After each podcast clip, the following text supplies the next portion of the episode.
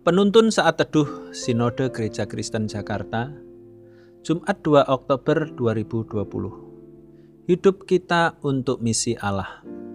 2 Korintus 5 ayat 11 sampai 21 Kami tahu apa artinya takut akan Tuhan.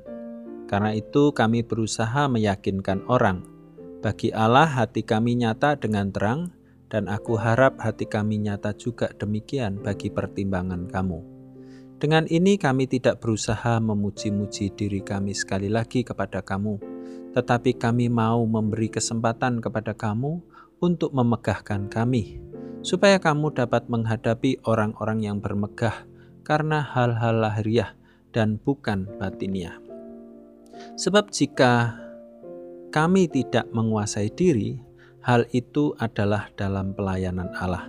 Dan jika kami menguasai diri, hal itu adalah untuk kepentingan kamu. Sebab kasih Kristus yang menguasai kami, karena kami telah mengerti bahwa jika satu orang sudah mati untuk semua orang, maka mereka semua sudah mati. Dan Kristus telah mati untuk semua orang, supaya mereka yang hidup tidak lagi hidup untuk dirinya sendiri, tetapi untuk Dia yang telah mati dan telah dibangkitkan untuk mereka.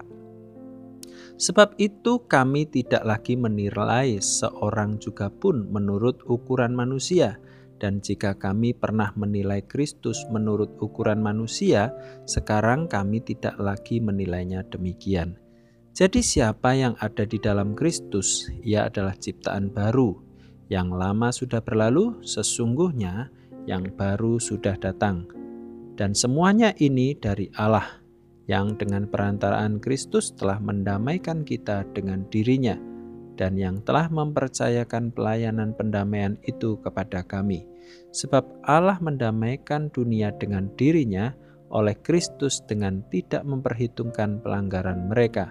Ia telah mempercayakan berita pendamaian itu kepada kami jadi kami ini adalah utusan-utusan Kristus, seakan-akan Allah menasehati kamu dengan perantaraan kami. Dalam nama Kristus kami meminta kepadamu, berilah dirimu didamaikan dengan Allah. Dia yang tidak mengenal dosa telah dibuatnya menjadi dosa karena kita, supaya dalam dia kita dibenarkan oleh Allah. Hudson Taylor tokoh misi yang terpanggil untuk menjangkau jiwa di daratan Tiongkok sekitar tahun 1850. Ketika berumur 21 tahun, dia telah memberikan teladan bagaimana melayani dengan sepenuh hati. Perjalanan yang jauh dari Inggris dia tempuh dalam waktu berbulan-bulan untuk mencapai daratan Tiongkok. Beratnya tantangan dalam perjalanan hampir merenggut jiwanya. Namun hal itu tidak membuatnya ciut dan mundur. Saat ini kita bisa melihat buah dari pelayanan misinya. Tuhan memberkati pelayanannya. Pengorbanan Hudson Taylor tidak sia-sia. Ciri orang Kristen yang sejati adalah adanya perubahan hidup dalam dirinya dan juga berbuah. Salah satunya adalah buah pelayanan.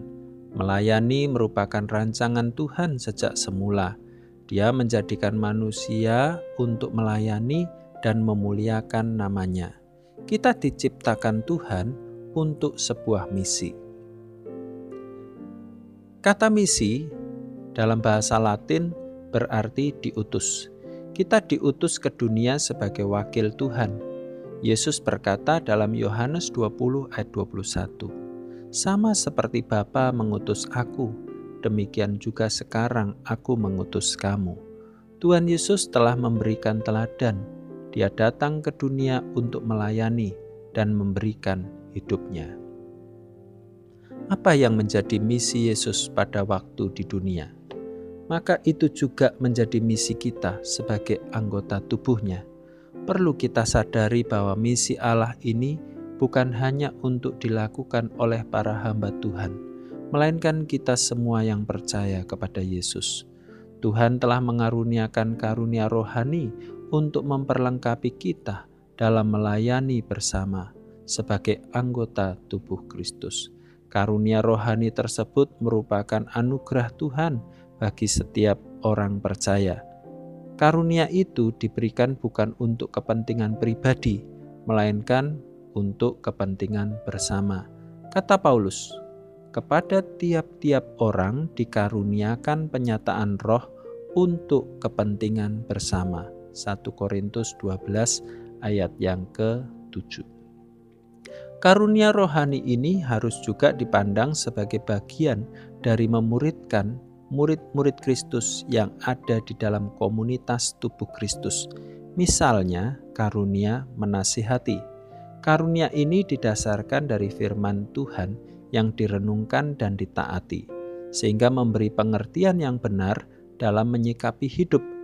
Dalam memuridkan, karunia menasehati dapat berguna untuk memberi pengertian yang benar kepada orang-orang yang dimuridkan, supaya mereka bijak dalam menjalani kehidupan mereka sebagai murid Kristus. Ini juga bagian dari melayani dan memuliakan Tuhan. Memuridkan orang lain adalah bagian dari melayani dan memuliakan Tuhan. Di dalam memuridkan ini perlu karunia rohani untuk saling membangun sebagai anggota tubuh Kristus. Tuhan Yesus memberkati.